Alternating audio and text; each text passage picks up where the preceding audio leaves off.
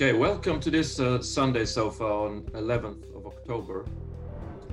My name is Jens Stilhoff Sørensen, uh, and today we will have um, an all English uh, Sunday sofa and we'll look at the um, case of Germany and uh, make a little bit of comparisons of how Germany has been uh, dealing with this um, pandemic. And with me today, I have we have specially to speak about Germany, Claudia Hanson who is uh, associate professor of health at Karolinska Institutet. Uh, Claudia, you're also an epidemiologist. Uh, you're also teaching at um, the London School of Hygiene and Tropical Medicine. And um, you've worked a lot also in, in Africa. Uh, so you have a wide experience. Uh, and we have Jana Bergholtz with us as well, who is actually a doctor of uh, earth sciences and has a background in studying meteorites and um, uh, but also uh, working as an advocate for patients um, with rare diseases on a European level and has a, a big engagement in that. So um, both members of, of um, our science forum. So that's the panel today. And Claudia and I, we're both German. that's yeah. that's another qualification yeah so um, i think i think uh, uh, so we have a, a, special theme in a way today to talk about um, look at germany uh, and it's also worth noting that this channel has expanded so we now have um, apart from the sunday sofas we also have a late night live uh, on wednesdays where uh, viewers can ask questions directly to somebody in um, in our science forum. Um, uh, and that's evenings evenings on Wednesdays. Um, and we also have the podcast. Uh, all these all these things can be found through our uh, through the web page. And there is also now a, an interesting um, uh, webinar with Anders Vahlne, uh, who just spoke uh, at the Swedish American Chamber of Commerce in San Francisco and Silicon Valley that's very well worth uh, looking at um, for an international audience.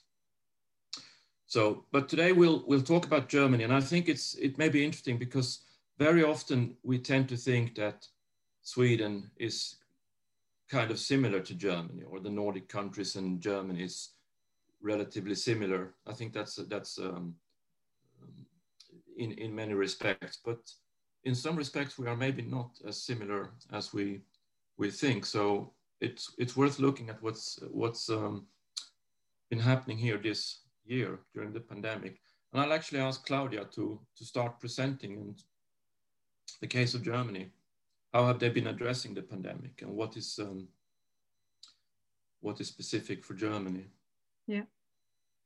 So I have been following, because of interest, the German approach since the very start. So somehow really uh, starting in, uh, in February when it became really clear that the whole epidemic is really uh, also coming to Europe and is not contained in in China. So I'm, I, meine, I live now in Sweden since uh, since quite a long time, but I always look uh, German news. I always have uh, German newspapers.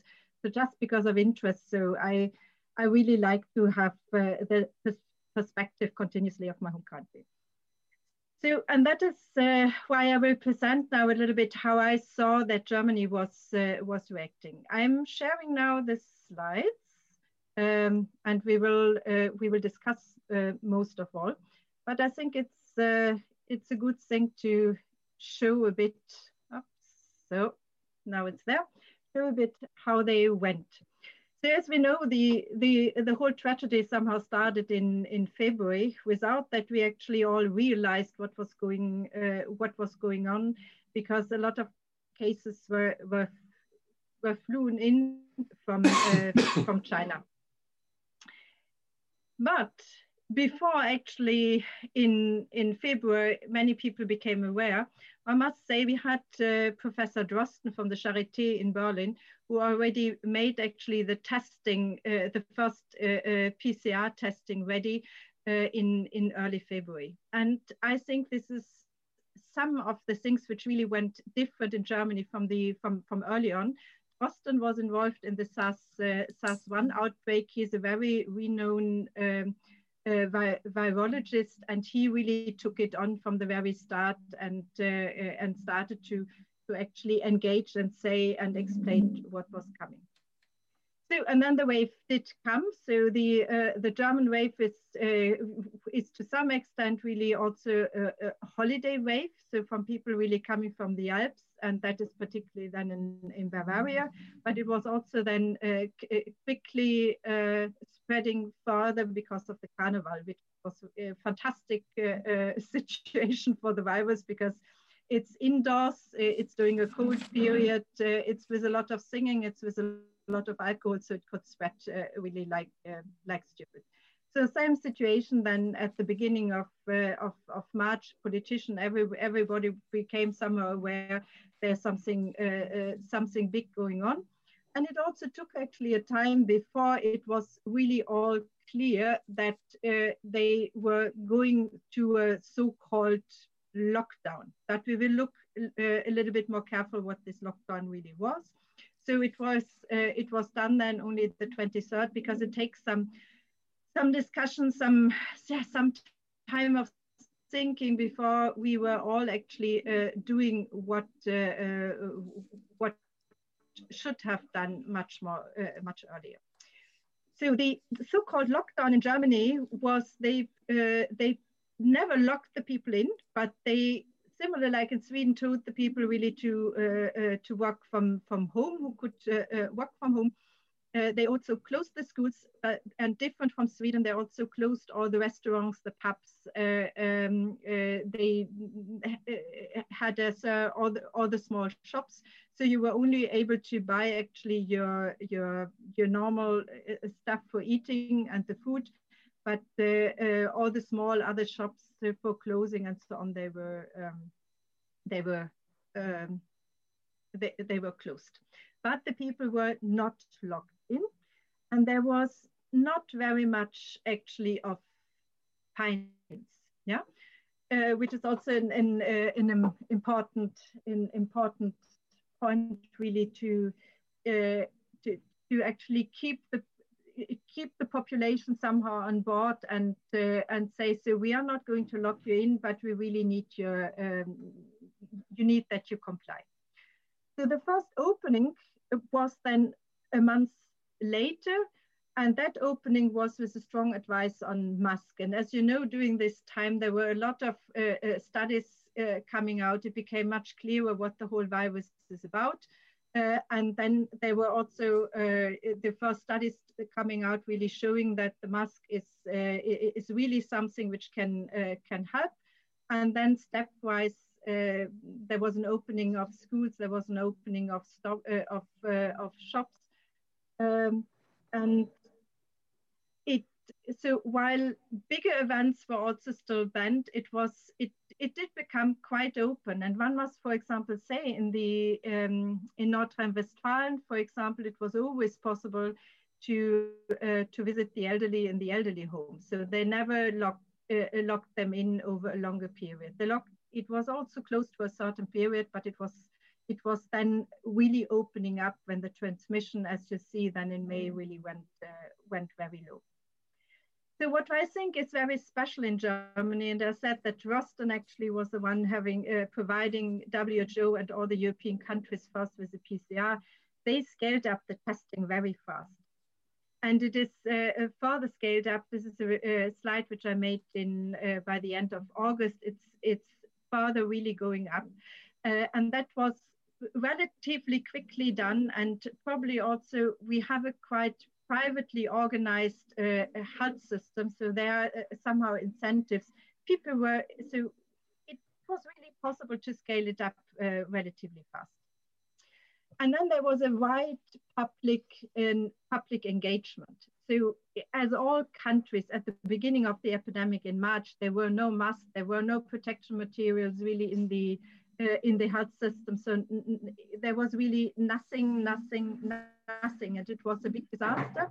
But uh, there was a lot of uh, involvement from from very many people uh, at home in small NGOs, uh, from a lot of people really trying to tackle this, uh, trying to tackle this problem. There are a lot of factories who changed their production and really supplied the um, first the hospitals, then the home for elderlies, and then the, um, uh, the uh, then the, the, the, private people really with uh, with face masks. So that was so it was somehow done in a it was done in a month and I, I uh, still remember that the uh, our health minister for a certain period of time was every evening really in the television saying, so it's what we did today to, uh, to manage this uh, problem of not having enough protective materials. So he was really on it and he had to report to the public every day.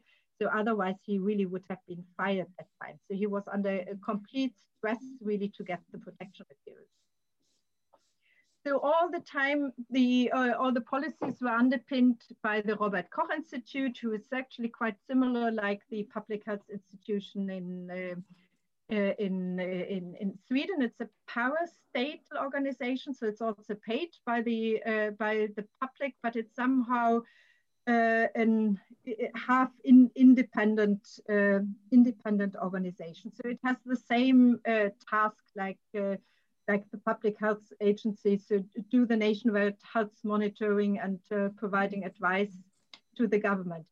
Uh, but what is fundamentally really different, it can never take over. So there's an absolute clear firewall between the uh, Robert Koch Institute and the uh, uh, and the Bundestag, who who, uh, who is who is really able to make the policy. So they can advise, and uh, different people were asked for advice during this difficult period, but they uh, they are not able to actually say this should be done or that should be done. They're fundamentally really different. So academia played a, played a big role, and uh, uh, in the forefront, it's uh, it's Drosten, who is for sure one of the most important um, person in this epidemic. He also got a prize from from our president last uh, uh, last week for really uh, being being very important. So he was one of the key advisor, but also he said it was quite limited. So I'm able to advise, but in the end, the de decision were really made by the politicians. It was really made by uh, by Angela Merkel and her uh, and her cabinet. It was never the virologist really making making the decision. And that is not only given like this because we have a structure like this, it was also explained many times as really important so that the decisions can really done valuing and balancing out many different things because it's not only the the virology or it's not only epidemiology but it's also how do we deal with people how do we deal with children uh, how do we deal with different parts of the society. So the firewall between the academia and also the Robert Koch Institute, that was really purposefully also chosen. So the fantastic thing, what I thought, and uh, I came quite, became uh, um, sometimes quite addicted really to is that you had an unbelievable, fantastic uh, media response in Germany. So they took it really, they took it really on.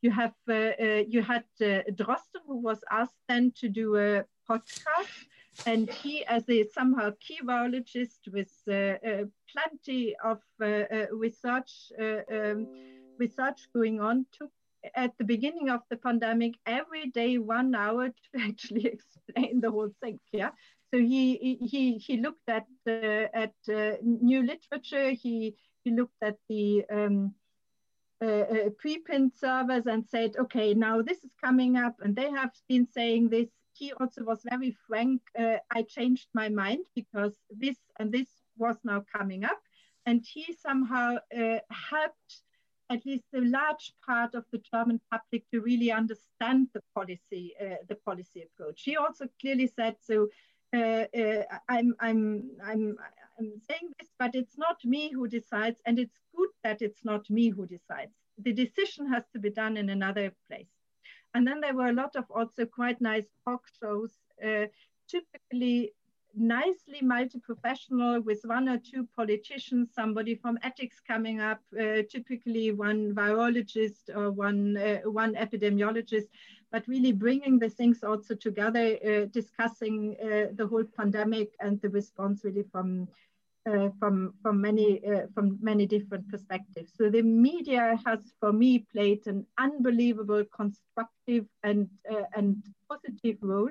They have been criticizing themselves quite a lot because they felt they are too much pro, um, pro government, pro what is actually going on. So they, they criticized themselves, but in the end, they always said, so it is also so clear we, we don't know what to criticize. Yeah, so we don't know really what to uh, what to come up.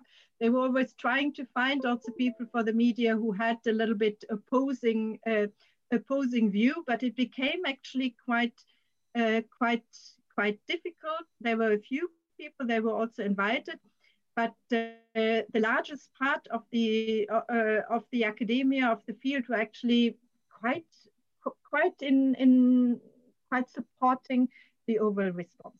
So it there was never any. Uh, there were debates, but uh, very constructive debates and and really very forward looking and also uh, I think on a on a really on a nice way also because uh, uh, the um, the media really facilitated this in a fantastic way and I think we should discuss now a little bit and uh, yeah. you can ask me a few more questions yeah well first of all th thank you um, I have several questions already. I already now I want to move to Germany uh, when I when I see this because because it seems like a paradise uh, in in response compared to what we have here in Sweden. I, I would like to ask you a few questions, but it's it's worth noting for any international viewer. You know, one thing I noted here was a quite quick response when it comes to the basics: testing, tracing, quarantine. Um, in Sweden, we we we we still well now we started picking up on testing, but it's a lot of it is self-testing and self-tracing and so on, which is actually um, a problem. But but the face masks you start it started in in in Germany around 20th of April and then increasing levels. and it's an interesting comparison to say that Sweden we don't have face masks not even in clinics, not even in birth clinics, heart clinics. If you visit um, um, a hospital, you will not have face masks. And in Sweden, this has created a situation where, where people are even afraid to go to hospital because you can go, if you're in a risk group, if you go to the hospital, you can get infected because, mm. because you'll be met with by nurses and doctors without face masks. So this is a very big, um, big contrast, of course, Sweden, between Sweden and yeah. so well, the rest, rest of my son uh, uh, came last week to, uh, to, to Sweden. He said this is Syria. yeah, so he can't. Yeah, Syria. Can't, it's yeah, Sweden, it's, Sweden, Syria, Sweden, yeah. and Syria, and Sudan. Mm. I think Eritrea, mm. and a few Pacific islands. Yeah. And Greenland, where they don't have it, they don't need face masks because they don't have it are the ones that don't, don't have face masks. Um, the rest of the world have it. Um, and it, it brings the attention to some, some questions I have because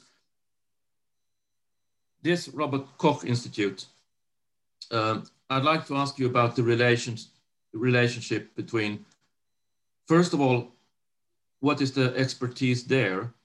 Um, because we have the Swedish Public Health Agency, there are no virologists there. They don't have the expertise. They, they used to have it, but not, not now. Um, so, so one question is, is that, and the other one is, what is the relationship between the Robert Koch Institute and um, the science community in Germany at the universities? Because in Sweden, there is, it's like they don't take in information. Um, so, I mean, as I said, they were all working together. So yeah. I, I'm, I'm not sure how many virologists uh, uh, are working at the Robert Koch Institute. I haven't looked it up. Yeah. So it is, it, is I mean, it has more people because okay, we are better, uh, we are a bigger country, so uh, you might have a little bit more expertise, but I think that was never really the the issue. So they have done really the epidemiological work, the same like uh, what is the mandate actually of our public health uh, uh agency in, in, in in Sweden, but they were always discussing with the West. So I see yeah. actually the response as as uh, okay, there's Drosten. Okay, it's nice. They all uh, uh, uh sit in Berlin together. So there were uh, uh, very many people actually sitting together discussing. Okay, you see it more from that side. I see it more from from from this side. So that's also how I how I featured it in in in the many in the media. So how how how the whole thing was presented maybe there were also fights behind the scene and there's a little bit of problem for example between uh, uh, and, uh, and and and uh, Drosten. And there are also people who are saying so why is actually academia now doing the uh, the important studies? Why it's not Robert Koch Institute? So there are debates yeah, so there are many, many people who say, so maybe Robert Koch Institute should have been more important. Why is academia actually doing now important mm-hmm. uh, uh, children's studies? But in the end, uh, there, are, there are debates. Uh, uh, they might bring something new up, but uh, sometimes it's also misunderstood um, objectives of certain of certain groups. But but this this sounds this sounds to me like yeah, this sounds to me like a, a, a very good um, because you have the expert agencies. Mm-hmm. Okay, the people in, in the government and ministers they cannot have they cannot be experts in all different fields, you know. No. So you have the expert agencies, but then the question is, what is the role of the expert agencies? And in Sweden, you usually, I mean, you, you either you have expert agencies, for example, in um, in finance or in economy, you've got economists and, and, and so on but it's very transparent and they they either either they have a, a decision making role like the um, central banks um, but then it's very transparent um, or they don't have it you know? It's the politicians that have it and then it's um, um, but but in, in, in the swedish case you you have an expert agency which doesn't actually have the expertise. We, we've we've seen that uh, and they don't have contacts with the, with the universities or the they don't take in information from the surrounding scientific community. In Sweden, we more or less have a, I mean, from from VetCov 19, we've written letters and sent in uh, lists of articles and so on, but uh, there is no communication there. It's uh, blocked. Yeah, but it's, co- it, also, there is communication with uh, with certain people, but not all people. Yeah. And the problem the problem is it uh, that for me that Sweden never started uh, um, a true academic debate with those thinking different. Yeah? And there is no and transparency. In Sweden, there was no transparency. Um, I, think I think it's um, one of the issues is also transparency. What is the mm -hmm. strategy? People have been speculating because there has it has never been clear. So it has the strategy has to be uh, hypothesized and inferred from the actions they've been taken um, and, and from the statements being done and so on. There hasn't never been that. Uh, so it's very interesting to hear about this um, role of the German. Uh, so, Imane, I, I really felt we managed to get what I would call an adult uh, uh academic discussion. Yeah, so where different perspectives, different opinions are to a large extent uh, uh, taken care of there might be certain people who also would say, no, that didn't happen in, in, in, in Germany. So there are some at, at, the extreme, yeah. But I think the largest part were, were really well, well accommodated. And it was very much liked that many people raised their voice. And there has been, so because it's not only academia and the Robert Koch Institute, but we have a lot of research institutions which are also in, uh, um, uh, to a large extent independent, uh, like the Paul Ehrlich Institute, the Fraunhofer Institute. So all these institutions actually came early on in the, in the pandemic up with uh, position papers, and they were sent to the to the government. So in further informing the uh, the approach. So they were taken up from the media, the media discussed them. So we had also a discussion from the uh, Ethics Council. The Ethics Council were then putting forward also, please consider, con consider this, uh, consider that. And that was constantly actually uh, uh, um, providing new inputs. and it, it was also from the very beginning completely clear we will not drive one thing up to the end, but we will uh, adapt to our learning. So from the very beginning, it was figured into the approach. Sure, we are not going to have a lockdown long, and we have to see what we do, but we will. Was also the trust we will find the way to get out of the lockdown. Yeah, so I think I think it's I think it's um, yeah I think it's um, what you see is an intellectual mobilization it, yeah. in a pandemic, you need an intellectual mobilization, not only virologists, or you need them, or epidemiologists, yeah. which you also need, but you need biostatisticians, you need um, economists, you need um, uh, ethicists. Ethicists, yeah, in Sweden especially, I think. Uh, mm. But but but you need a broad intellectual mobilization because it's a it's a big, um, huge societal impact, and it's a big um, it's like a, a crisis response. And in most most uh, situations of a crisis response, you actually need this broad um, mobilization, yeah. which we have not had in Sweden.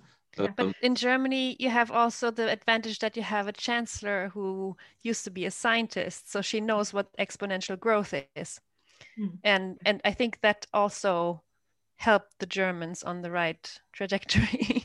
I think I think that's a very important point, Jana, that you you you mentioned that, because I've often thought that what's going on in Sweden would not be possible at this stage in Germany, because for, for exactly the reason you say, you have a chancellor who has a science um, training.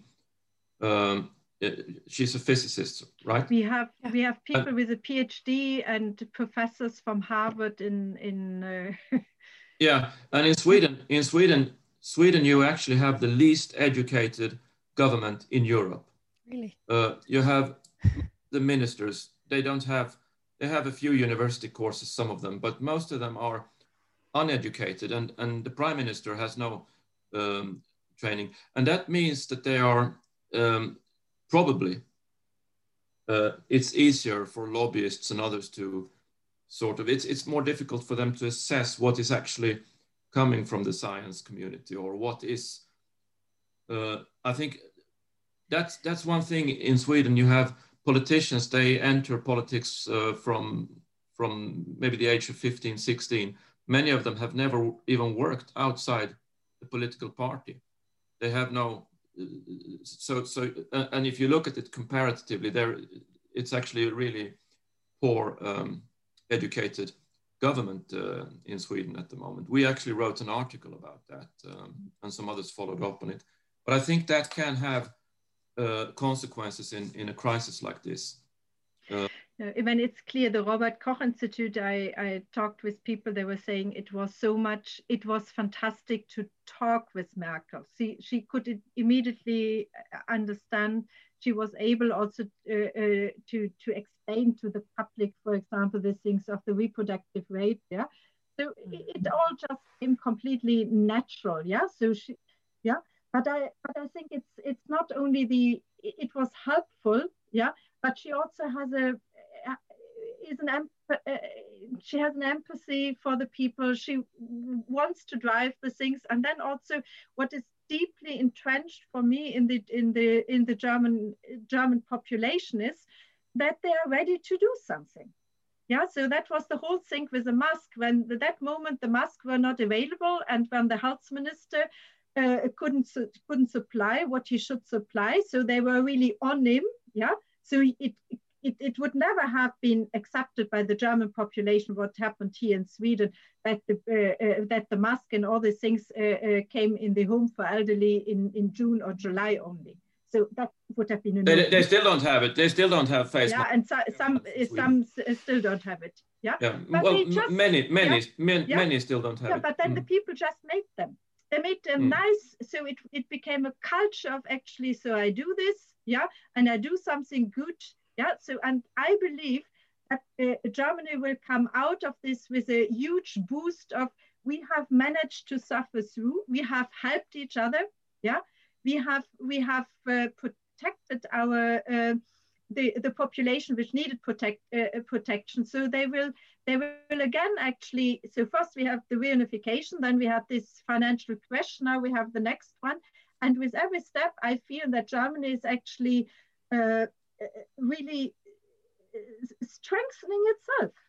Yeah? yeah? strengthening the policy, trying to learn. And I mean, it's clear we have an we have an NGO society. Mm. Yeah, so we have a, a, a, a public which stands up. So sometimes for the good, sometimes also where I think, hmm, yeah, but it's open. People go on the street, people protest, yeah, uh, people raise uh, uh raise their voice, and uh, mm-hmm. I mean, there is not. I'm not. But it's also safe in German to be a bit uh, uh outspoken. Yeah, no, yes. you say something. Yeah. Yeah. So what we have in Germany is it's also called Streitkultur. So we mm. like to be critical and speak up when we think something is wrong. And sometimes that leads to fights and gets emotional, but that's totally okay because we we learn that we need to show emotions and and it's a good thing to do that. Um, and of course, there are now also groups that are going out on the streets in Berlin and, and other cities. Um, and they they sort of want to advocate against face masks and against these restrictions. And I could see that as a potential danger that cases might be rising a bit quicker more again now. Um, mm. Because, yeah, th- this the social media i guess is helping to polarize people. And um, i would was hoping that people would be smart enough to not fall for that so much to to be able to to stay on the good side and not um yeah how can i say? Um I mean, you would hope when there's when there's a pandemic coming and you, you realize oh it's going to be the vulnerable people that, that will be most affected and most likely are going to have um, either critical uh, illness or or die then you would hope that people are empathetic enough to to really listen to the government listen to what needs to be done and and and do these things like wear their face masks. I, I guess they had these aha uh, abbreviation um, a for um, Abstand for um, for keeping distance yeah. um, h for hygiene and and uh, a for uh, uh, yeah, yeah. so um so and and this is what i like here in sweden we have much more of a consensus culture here and and people really want to follow this and and want to do good things and it would have worked so well if we had the german government here in sweden yeah. then everyone would have done this aha or the finnish or the finnish yeah. or any and, other government i yeah. think i think that, i think that it's uh, also, uh, that i also believe and that is that's where I feel this is the whole thing is so terrible because I mean you you wouldn't have needed to put anything more than actually providing clear information, providing the right information, putting out recommendations, and the whole yes. thing would have uh, uh, uh, would have would have worked. Maybe closing down the society uh, in, in in March uh, uh, really for for two weeks, probably that would have been enough. Yeah. yeah. So, so just just to, just to emphasize unbelievable population. Yeah. yeah? Just, just to emphasize the difference, some of the differences here. Um, so in Sweden, we still don't have face masks in clinics, in hospitals, in care homes. Some care homes and some individuals, um, some individuals um, make the decision locally, and there are uh, very often it's uh, the shields which are uh, cheaper, uh, maybe, but they don't actually protect against aerosols. No. But here, the Public Health Agency uh, have not made clear that it's an aerosol spread. They still speak about that it's only drop spread. So although it's been, it's been probably known since March that aerosol spread is uh, at least an, uh, an important component of this, um, maybe even the main component now. But in Sweden, that's not acknowledged. So no, it's not acknowledged. It's, also not acknowledged. nobody nobody understands my player can can we open the windows? We can't open the windows in my institution for example. No so you will still have you will still not even have the ventilation thing. So so actually uh, uh some some of our colleagues say that we're a bit, little bit like the flat earthers in sweden. Sweden is like the flat earth society. We don't acknowledge the face mask uh, um, the aerosol spread and and also, we don't acknowledge really the asymptomatic spread, uh, which I think is an important thing because there is still advice to go to work even if your partner has uh, tested positive for COVID or so on. In many care homes, you still have uh, administrators who say to their staff, go and work, even mm. if there's one who has been tested positive, the others have to go to work, nurses or people in care homes. So you still have that in Sweden. Uh, the recommendation changed when it came to, to um, families that if one of them has been tested positive, the other one should quarantine, but not the children. They can go to school. Mm, yeah. So, so in Sweden, it's it's quite sur surreal. Yeah. Um, uh, it, it it's it's um, yeah surreal experience. But I think, and, uh, I, it, and for me, it really doesn't speak to me. If it would be a huge economic uh, sweat of actually staying home this one uh, this this one week, but it isn't. It is also in a place like Stockholm, a large part, if not sixty percent of the population, have no problems to work from home.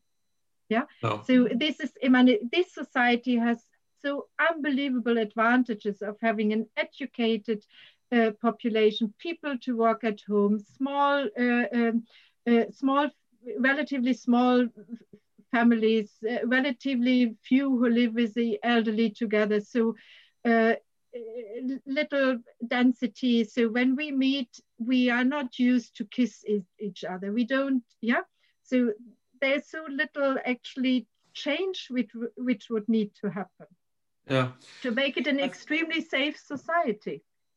Yeah, I'd like to, to, to break it up a little bit uh, in, in comparing a few points because I think that we learn a lot during a pandemic. Um, we learn a lot uh, about people. Uh, we learn a lot about the society and uh, about how, how the state works and so on. And I think that one of the um, narratives about Sweden is that it's a welfare state. Mm -hmm. And it's run by a social democratic and green uh, government, which very often describes itself as solidarity, being in solidarity um, and humanistic and so on. But I think that what has been revealed here is that it's actually the this welfare state um, has been at best it's been a honey trap, uh, and at worst it's been um, a fraud, because the people who really needed the help, uh, they were selected away um, very early uh, uh, didn't were not admitted to intensive care units. We have this um, that still needs to be uh, investigated further. This um, all these incidents where people have been denied oxygens and given morphine instead. They've had a too, too speedy decision to go into palliative care, even without meeting the patient, you know, even sometimes over the phone, which will, that will probably have to be investigated more in Sweden. But then we also have solidarity, the risk groups, basically by allowing this, this the spread, free spread in society, people in risk groups, they have had to take their own decision and lock themselves in.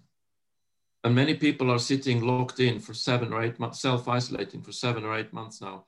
Um, and they may, may not even dare to go to the hospital because there will be no face masks used there. So they, if they go there, they can, they can get infected there. And when it comes to um, nurses, many nurses have um, expressed deep concern about, about their health, um, their work environment. It's also school teachers. many nurses and school te teachers are women. So I don't know what the solidarity is here. Um, so I think this this this um, thin veil of solidarity has cracked up in in Sweden. It's an image uh, that hasn't really um, uh, held water in this crisis. Um, and I, would like to say, just think, why is this so? We talked about the expert um, um, agencies and differences between the expert agencies and their role vis-a-vis the politicians in Germany and in Sweden and vis-a-vis the scientific community wider. Um, that's something we could maybe talk about more.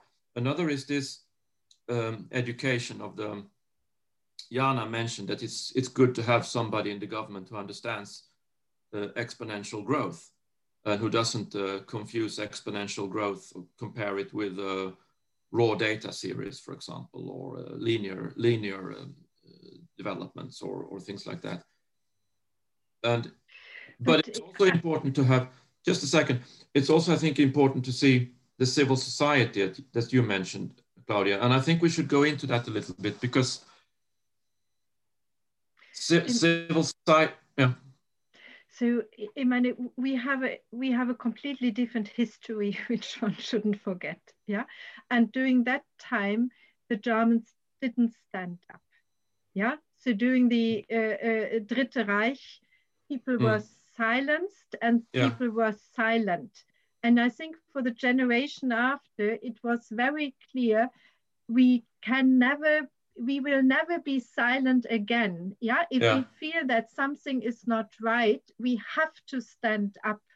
Yeah. So we have to say, and everybody has to stand up, and you try really to to get uh, uh, to find your group. And we have more uh, civil society groups uh, also which come out of that time. So although the church didn't play a big role in this pandemic up to now, so many people have also criticizing this, but you can go to a, uh, to, to a church and you have a safe place where you actually can discuss. And we have good connections between the main people from the church to, to the government again. So mm. things can move, things can be brought in. So we have really a culture of, of civil society driving policies. So bottom up uh, inclusion of the civil society, that is that's a main main red uh, uh, uh, thread yeah? And it's yeah. it's extremely important. And i have always been at my working place also thinking so why are we never making some small um, groups who are dis, dis, di discussing things? So if we think actually we should move this forward can we make an a, a, a quick interest group and then we can uh, uh, then then we can move it yeah, so that is my way of working. So can we meet two, three times and then we put the things forward? Yeah. Yeah. So I that is done in committees. So if there is a formal committee, then you can do it there, but you don't make this ad hoc groups. Hmm. I think I think uh, the role of civil society is interesting because I think maybe there is an even deeper history than than um, the Second World War, you mentioned um, Germans sort of think we should we should never be silent again in in, in the face of um, when things go wrong. But I think there is maybe even a, a deeper deeper tradition. I don't know. I'm just speculating. Mm. Civil society, for example, civil society is understood in many different ways, and it it its origins was that it was a, like a civil society. It was basically like the state. You know, it, it goes back to ancient Rome, societas civilis or mm. societas civita. It was the, the, the partnership under law, and to be civil and to be a citizen meant you know meant to behave like a citizen. And I think in, in the German tradition, there are actually two words for civil society. There is bürgerliche Gesellschaft, which is the old tradition of um, citizen, you know, mm. actually centered around this the mm. town mm. and, and around the, maybe the middle class and so on, but to behave like a citizen and, and, and so on. But then there is another word, which is Zivilgesellschaft. Yeah. And Zivilgesellschaft in German actually is an import from the Anglo-Saxon civil society mm. because that concept of civil society was about associations um, and organizations. Some it's it become more and more around NGOs. Also, yeah. also you should talk about media. But I think in Sweden you have a lot of organizations and associations. So if you look at it and study it, it looks like there is a thriving civil society in Sweden, many, many organizations. But the interesting thing is that most of them are actually getting financing from the state. Um, so, so there is a sort of strong link between many of those associations are depending, dependent on financing from the state. And many of them have not really, there hasn't really been any mobilization there. I'm thinking about, for example, the, the, the, this thing about face masks in clinics, in heart clinics and birth clinics. Why are the Swedish doctors or physicians, the Swedish Medical Association, not speaking up about this? To me, that's absolutely amazing.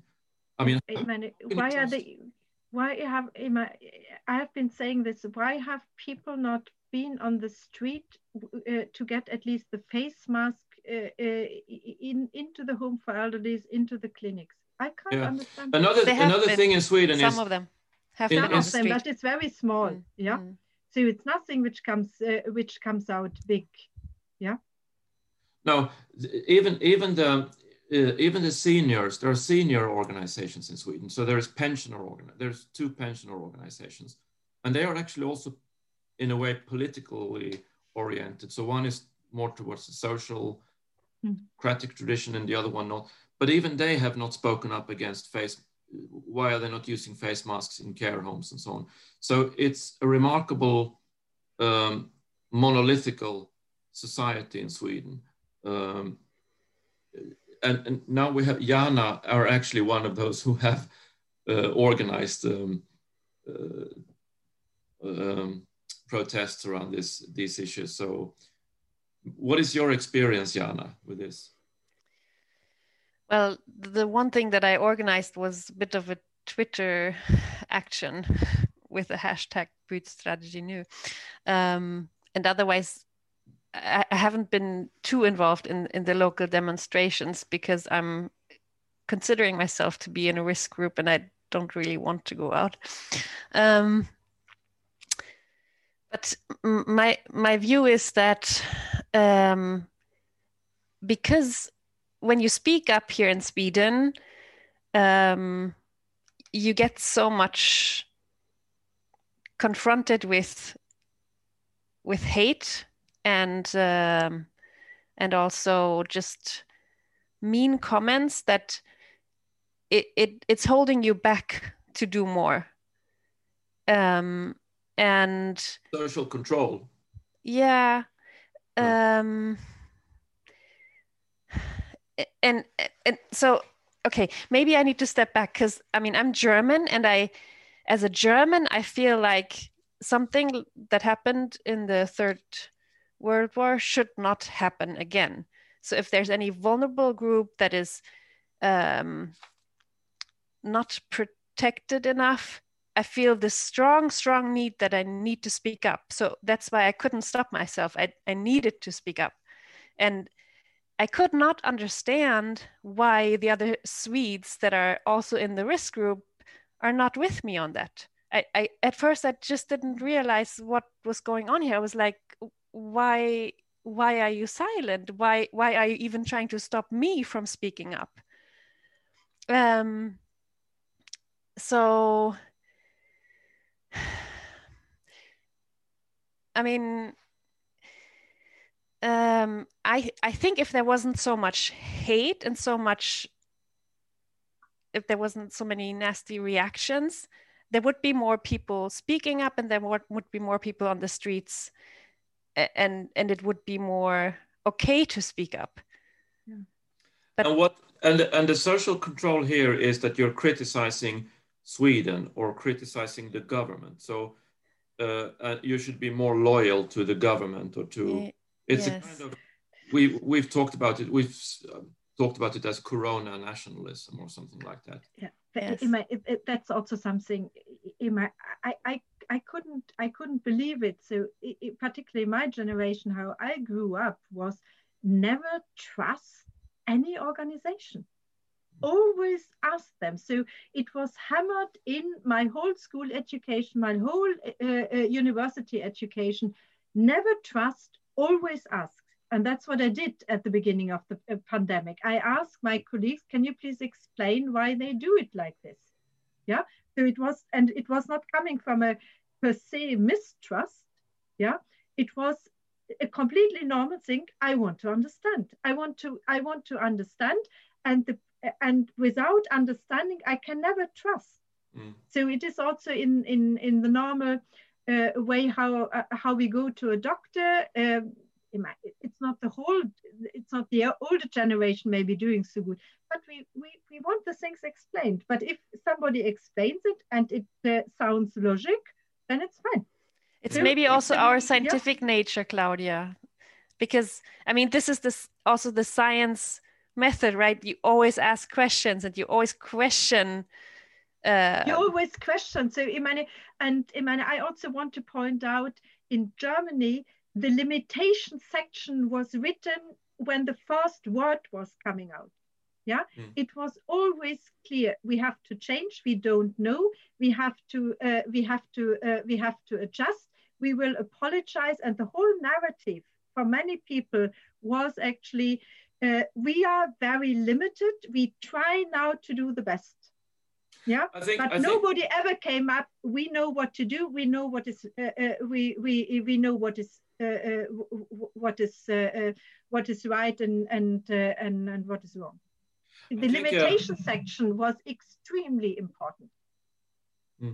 One of one of the things that have, have amazed me maybe the most is um, um, how come uh, Swedish doctors uh, accept uh, not using face masks in clinics? How come in care homes and so on? How come that is? Um, and they they typically refer to the recommendations of the Swedish Public Health Agency, which still is basically just wash your hands, you know. Mm. And, and um, um, I think one of one maybe one other issue here is about responsibility and um, accountability. Yeah. In in the, um, there is not doesn't really seem to be any accountability attached to what's going on in Sweden because the government has said, even the ministers have said that we don't have this expertise, so it's on the public health agency. The public health agency don't recommend uh, they don't they don't acknowledge um, uh, asymptomatic and pre-symptomatic spread very much. Um, they may have update maybe updating it now a bit. I hope they do. Uh, same with um, aerosol spread and, and, and, hence the face masks. And then they, they don't recommend it. And then when you go out to the care homes, uh, which is often run by bigger companies or mm. if they're private, or to the clinics, they say, well, we follow the recommendations of the Swedish Public Health Agency. And the public health agency well we don't we don't have a responsibility for the hospitals. That's the regions. Uh, and the regions say well we follow the swedish public health agency recommendations.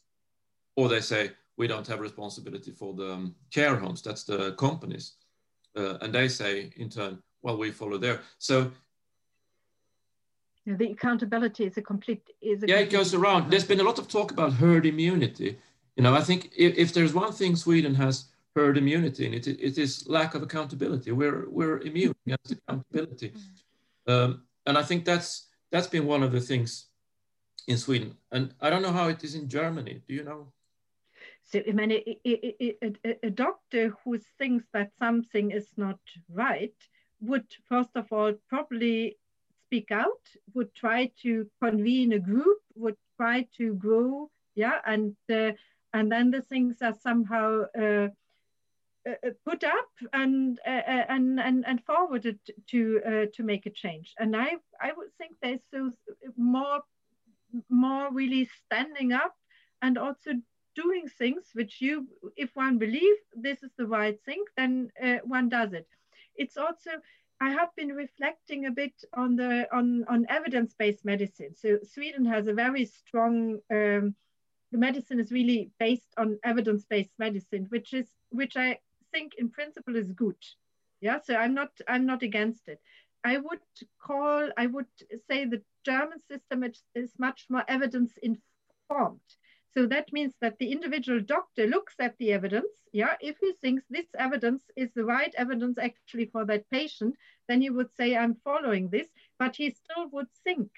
Yeah, and, uh, and a specialist actually coming up and saying, I think it's this or I think it's this has a value. And that is also why Drosten so early on actually could move things, could alert things.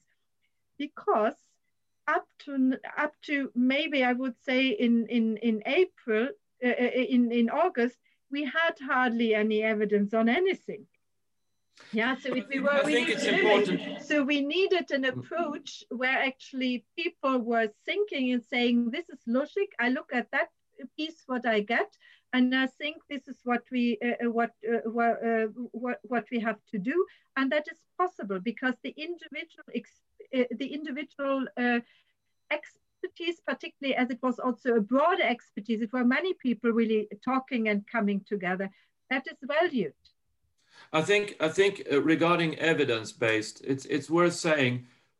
First, I'd like to say we have a very good um, discussion on evidence based and levels hierarchies of evidence uh, in one of the Sunday sofas yeah. by Carina King, which yeah. which is worth uh, listening to. It's just a couple of minutes, but she really lays out what it means. But I think uh, so. Um, when it comes to this evidence-based thing, one of the things, for, sort of the gold standard, is this about double-blind um, yeah, it's a randomized, it's a randomized control. Randomized, trial. randomized yeah. control trials, and it's worth yeah. saying that there are a lot of things that there are not no randomized control trials for, because either you can't do them or it would be unethical. So there are no, there is no evidence-based. Uh, there are no randomized control trials for parachutes, for example. No, do, and do work? Think but but but there is also not just just a second, Claudia. There is also not any evidence-based um, any randomized control trials for a lot of the advice that they actually give. Wash your hands um, is one of the is one of the mantras of the Swedish Public Health Agency, or sneeze sneeze in your elbow. Um, so, so, so, so the, the, distance yeah. is also not not uh, not super clear. Yeah, so you cannot say how much protects actually one meter, how much protects one and a half meter, how much protects two meter.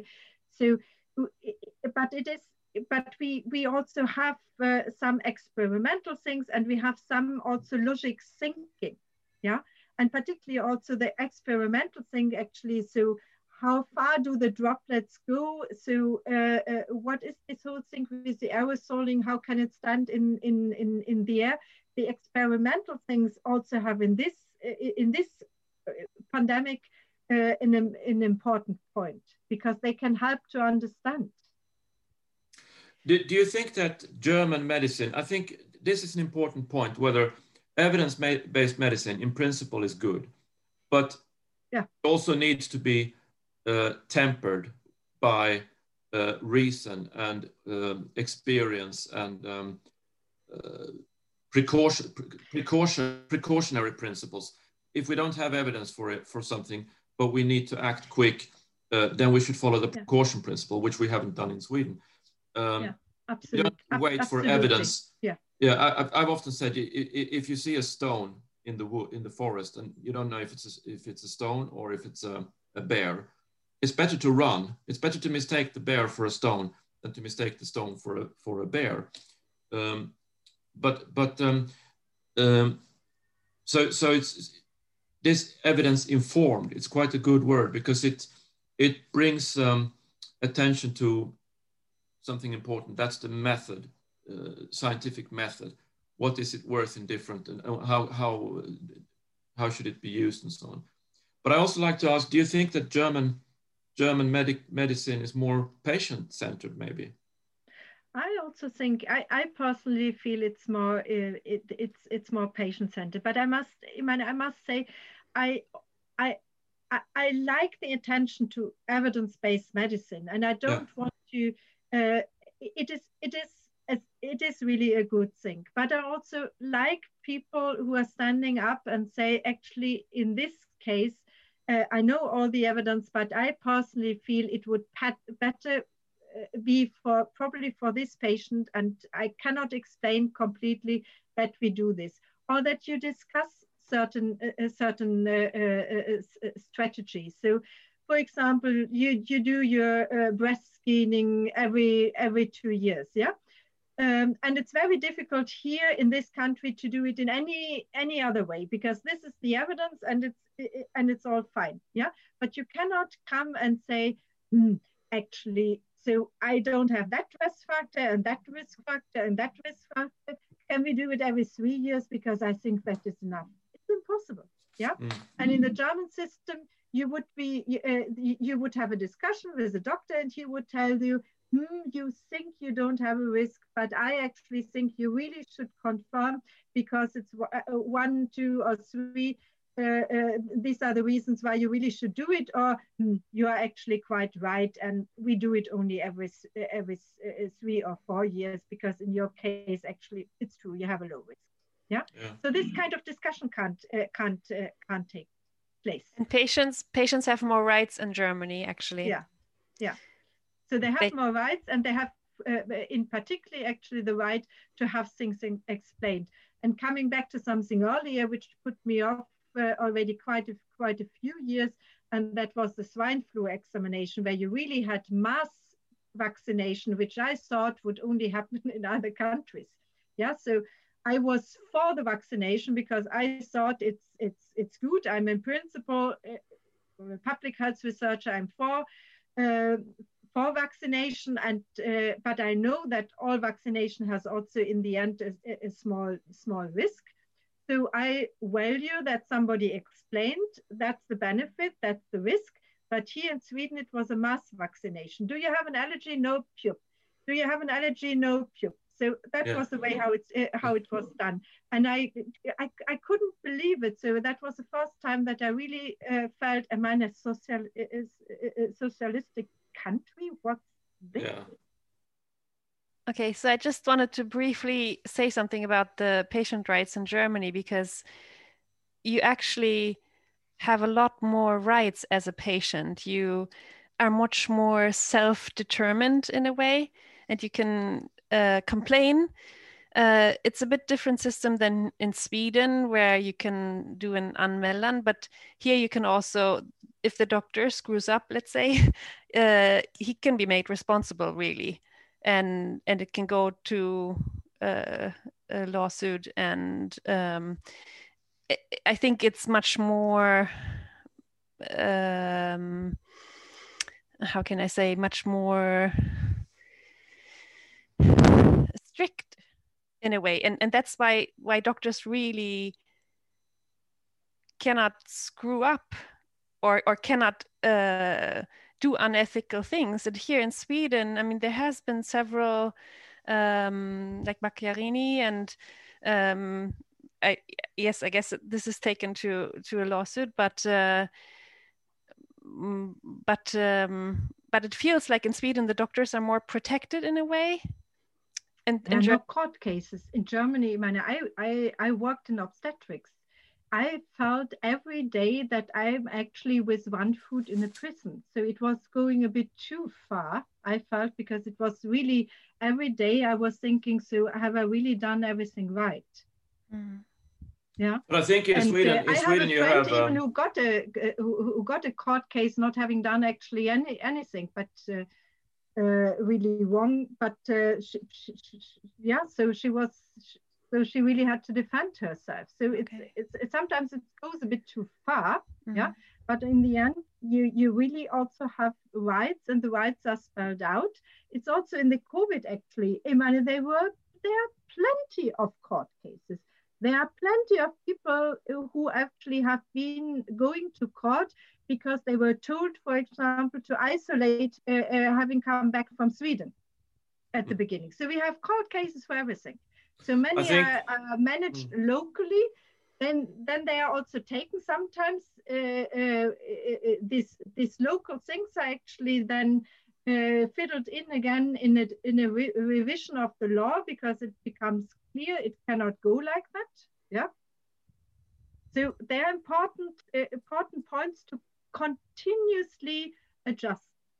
continue. Here we, here we have the problem with, uh, I think the most, the biggest scandal now is uh, about uh, rejecting people, um, certain old people and so on, not sending them to care units, and uh, and the, the, question about giving morphine instead of um, oxygen, which has to be further investigated, I'm, I'm sure, because um, that that's. Um, but also just simple things. Well, not so simple, but you know, can you ask your doctor to have a face mask on if you go to a clinic? Uh, if, if you're in a risk group, you know, uh, or do you go there at your own um, peril and uh, take the risk of being infected by?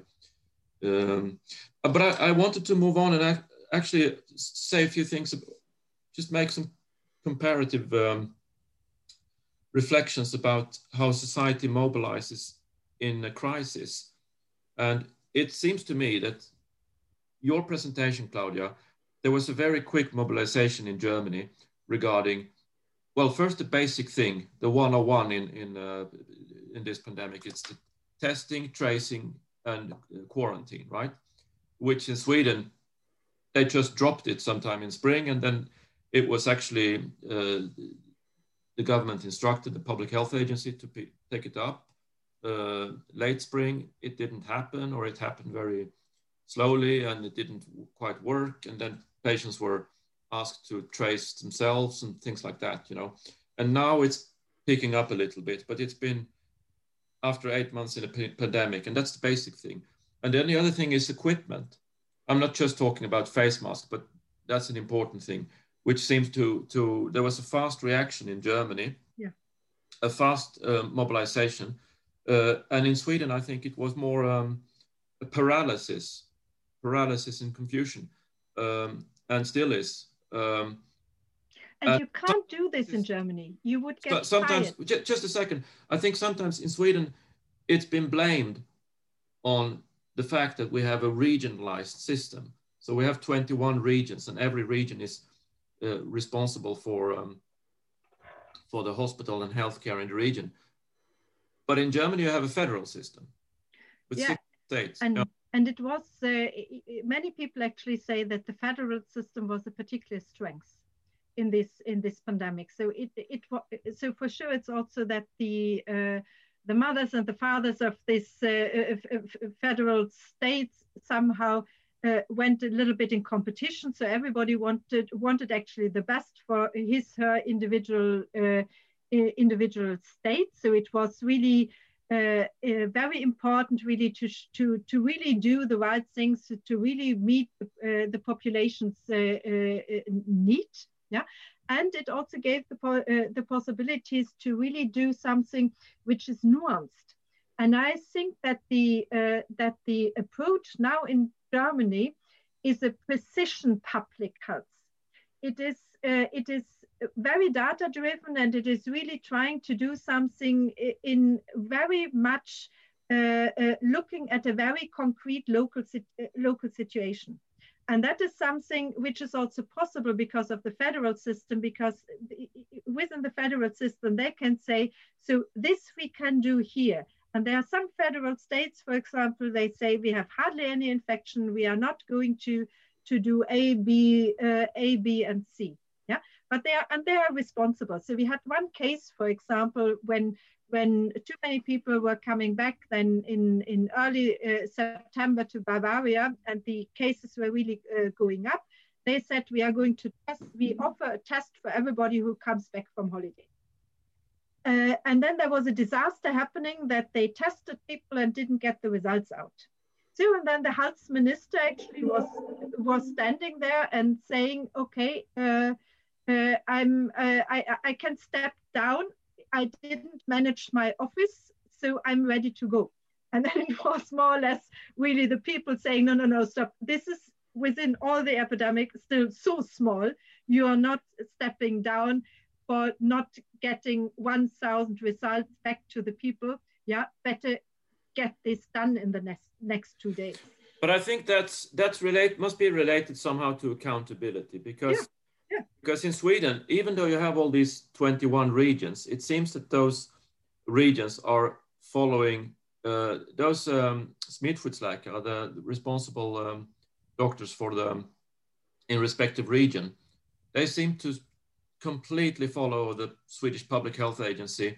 Uh, so it seems to be very monolithic. Um, and I think it must be connected to accountability. There is no, um, if you if you don't follow them, then maybe that damages your career somehow. So it's better to just, um, um, I don't know, maybe maybe Swedish, um, maybe we could do study visits to Germany to, to see how how Germany functions and how Sweden can be reformed in in um, in its um, government structure because because it doesn't doesn't work very well in a crisis here.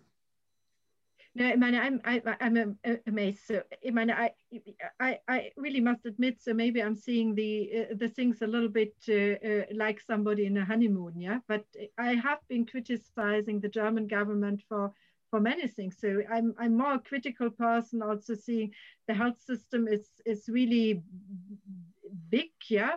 Uh, I mean, there are unnecessary, in, uh, uh, unnecessary interventions. There are sometimes too little evidence-based medicine. So I'm, I had typically more really a critic, more critical stand, and it's also, I mean, women don't have the same say, and it it it took for, for almost five months before Angela Merkel stood up that the children are not allowed to be the loser of the epidemic. So I think uh, I have a lot of sympathy also in Sweden that the children should be the loser of the epidemic. That was clear from the very start. Yeah, mm. in Germany it took uh, um, it, it took a bit of time and it took a bit of NGO uh, uh, uh, mobilization to, uh, to, to, to get it up. Yeah, but you can change it.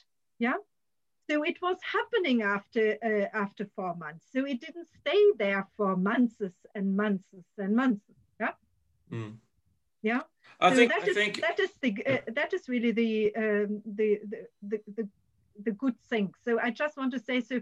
Imana, I'm happy also to criticize, and the Germans are typically criticizing. They are now completely stuck with me. So you see the whole thing to to uh, to uh, idealistic, but Imana from from looking from looking from here, I mean, I just love the NGO involvement.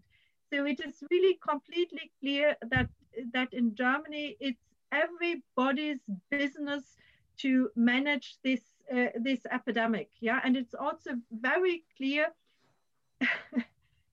people know, and people are clever, and people know their things. Hmm. I think I think. Um, regarding uh, um, speaking up and uh, critique and, and in, so on, I think it's the foundation for all intellectual uh, development. It's, of course, as academics, you know, that's what we want in the university. We want to test different, different ideas and so on.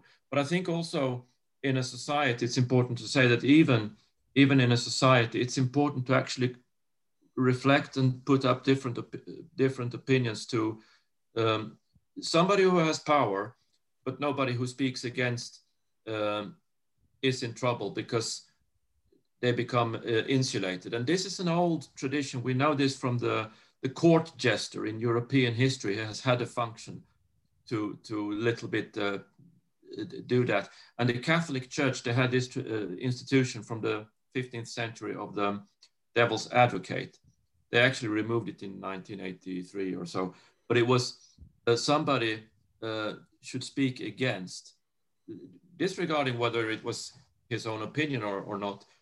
Uh, when they when they wanted to proclaim saints, uh, they appointed a cardinal to can you can you give all the evidence arguments against so we get a, a good discussion. And this is also a tradition we have in our court systems. You know, you have a prosecutor and, an, and, and a defender and so on.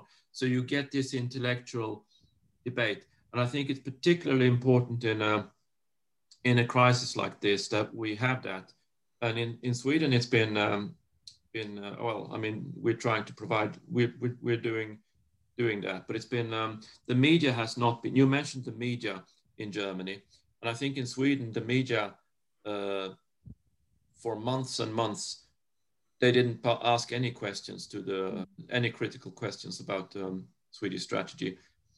Is there anything more we we should bring up that we haven't? Um... Well, for me, uh, when I look at the differences between Sweden and German response, what I what I saw in Germany, it was very much prevention, and we need to make sure to take care of our risk groups. We need to protect them.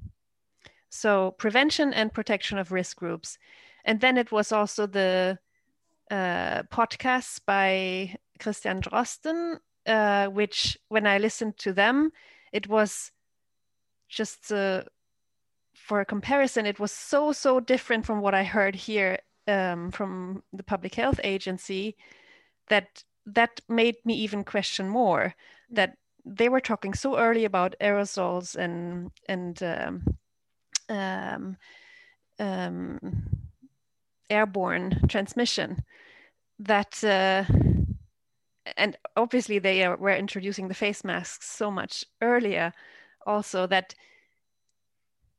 it, it made me so so upset that Sweden could continue not following ECDC, not following WHO. Um, they they've kept going with their with their line of um, arguments. Yeah. with the flat the Earth, time. the flat Earth Society, we are yeah. Yeah, um, and and for me it was not clear why is it that the Swedes don't see this other side, the international scientific consensus, and and then why can't they find their inner strength to speak up? Because I thought that would be easy to realize that now is not the time to be quiet. Now is the time to really speak up and and also yeah find your inner strength to do so mm-hmm. Maybe maybe we can uh, have that as a as a challenge to if there is people the people who watch this uh, if they're doctors and in clinics um, consider using face masks. Consider the evidence there is for aerosol spread and um, asymptomatic and pre-symptomatic spread. Maybe we could also use it as a sort of encouragement to individuals you know to to look at what the rest of the world is also doing. What is the ECDC saying? What is the World Health Organization saying? Why are Sweden going uh, such a separate way and at such a high cost for, for risk groups? Um, okay, I think we've, we've had a, a quite intense uh, discussion and, and uh, looked at Germany. Um, I'm thinking maybe I should move to Germany after this. it's it's um, uh, I'm not sure I want to stay here, but um, uh, I'd like to say to all you who have li been listening, thank thank you for listening, and um, I'd like to say thank you especially to Claudia and, and Jana. Claudia for presentation and Jana for all the discussion and input you've given. So yeah, and we just probably you were also homesick, Claudia. I don't know. Yeah, Maybe it's I worth saying. Really it's like homesick. Yeah. Yeah. Yeah. Yeah. So I, I, understand that maybe now, but, but okay, thank and you. I haven't been homesick for many many years, but yeah. this, uh, since. Uh, as I said, so since uh, March, uh, really also listening to, uh, to to to to Drosten and one must one shouldn't forget, this podcast has 60 million downloads yeah. in, in German language. Yeah, it's not English. Yeah, it's well, an amazing unlike, success. Unlike you, unlike you, I think this uh, this pandemic has made me away sick rather than. but okay. Um, okay. Thank you. Yeah. Thank you for listening. Thank you very much. That it was a pleasure. Thank yeah, you. Thank you. Thank you. Okay. Bye-bye. Bye.